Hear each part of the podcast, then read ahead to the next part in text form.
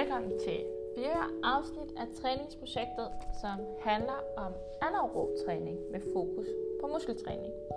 Så hvis du har haft muskeltræning i fokus, kan du lytte til det her afsnit, øh, som indeholder noget af det teori, du kan bruge både til planlægning af træning, men også til din rapport.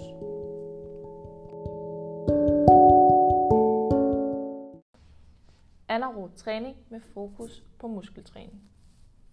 Den anaerob træning bruges energi i musklerne uden brug af ilt, da musklerne kun skal præstere kort maksimalt i få sekunder.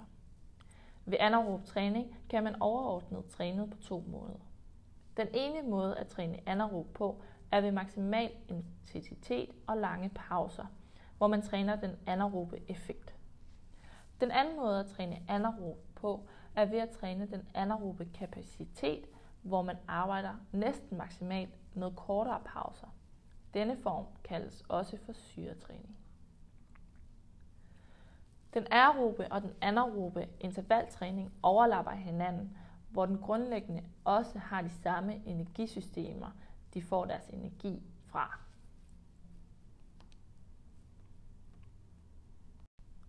Styrketræning.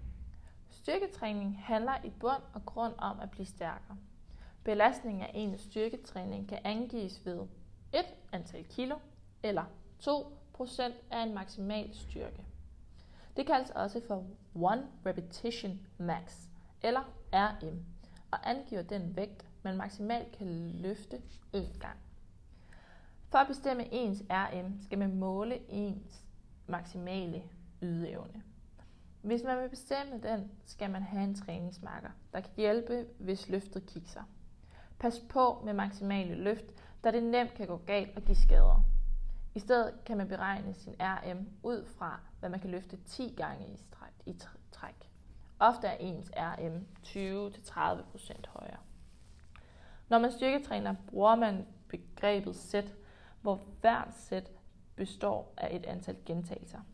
For eksempel 3 sæt ved 10 gentagelser ved 80% af ens RM. Muskeltræning. Når man forbedrer sin muskelstyrke, skal man øge sin muskelvolumen og nerveforbindelserne til sine muskler. Når man øger sin muskelvolumen, får man ikke flere muskelfibre, men de enkelte muskelfibre bliver større. For at øge volumen, det er det, der kaldes hypertrofi, skal man træne med 6-12 gentagelser i hver sæt. Typisk med 3 sæt. I bund og grund handler det om at finde en passende belastning ud fra ens RM, så når man har taget sit sidste løft, kan man ikke tage flere. En belastning omkring 70-80% af ens RM med 1-2 minutters pause mellem de enkelte sæt er ofte passende. Hvis man ønsker at være så effektiv som muligt tidsmæssigt, kan man træne en helt anden muskelgruppe mellem de enkelte sæt. På den måde kan man, har man en aktiv pause. Det er dog en hård måde at træne på, da kroppen som helhed ikke får pause. Pause er vigtigt, når man træner. Som tommerfingerregel skal man ikke træne det samme muskel to dage i træk. Udover muskelvolumen, så gælder det også om at få den bedste mulige nerveforbindelse til muskelfiberne. Det er ikke nødvendigvis den med de største muskler, der er stærkest. For at kunne aktivere flest mulige fibre, skal man træne tungt med få gentagelser. Det er en træningsform, der belaster muskler, sener og led meget. Derfor skal man passe på, hvis man gør det. Nybegynder bør ikke træne med høj belastning på grund af øget skadesrisiko.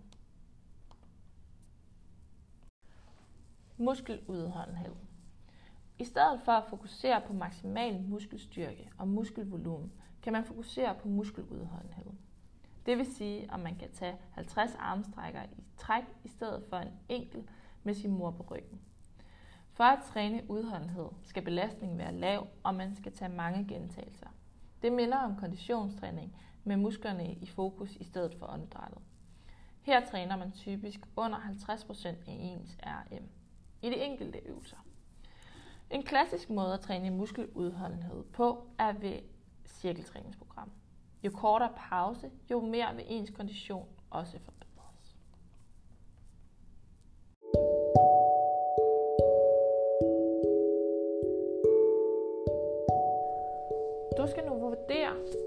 Fra din målsætning, om det er muskelstyrke eller om det er muskelvolumen, som du har i fokus. Fordi det vil være afgørende for, hvordan du skal planlægge din træning. Jeg håber, det har hjulpet lidt, øh, og brug litteraturen, når I skal skrive jeres rapport. God fornøjelse.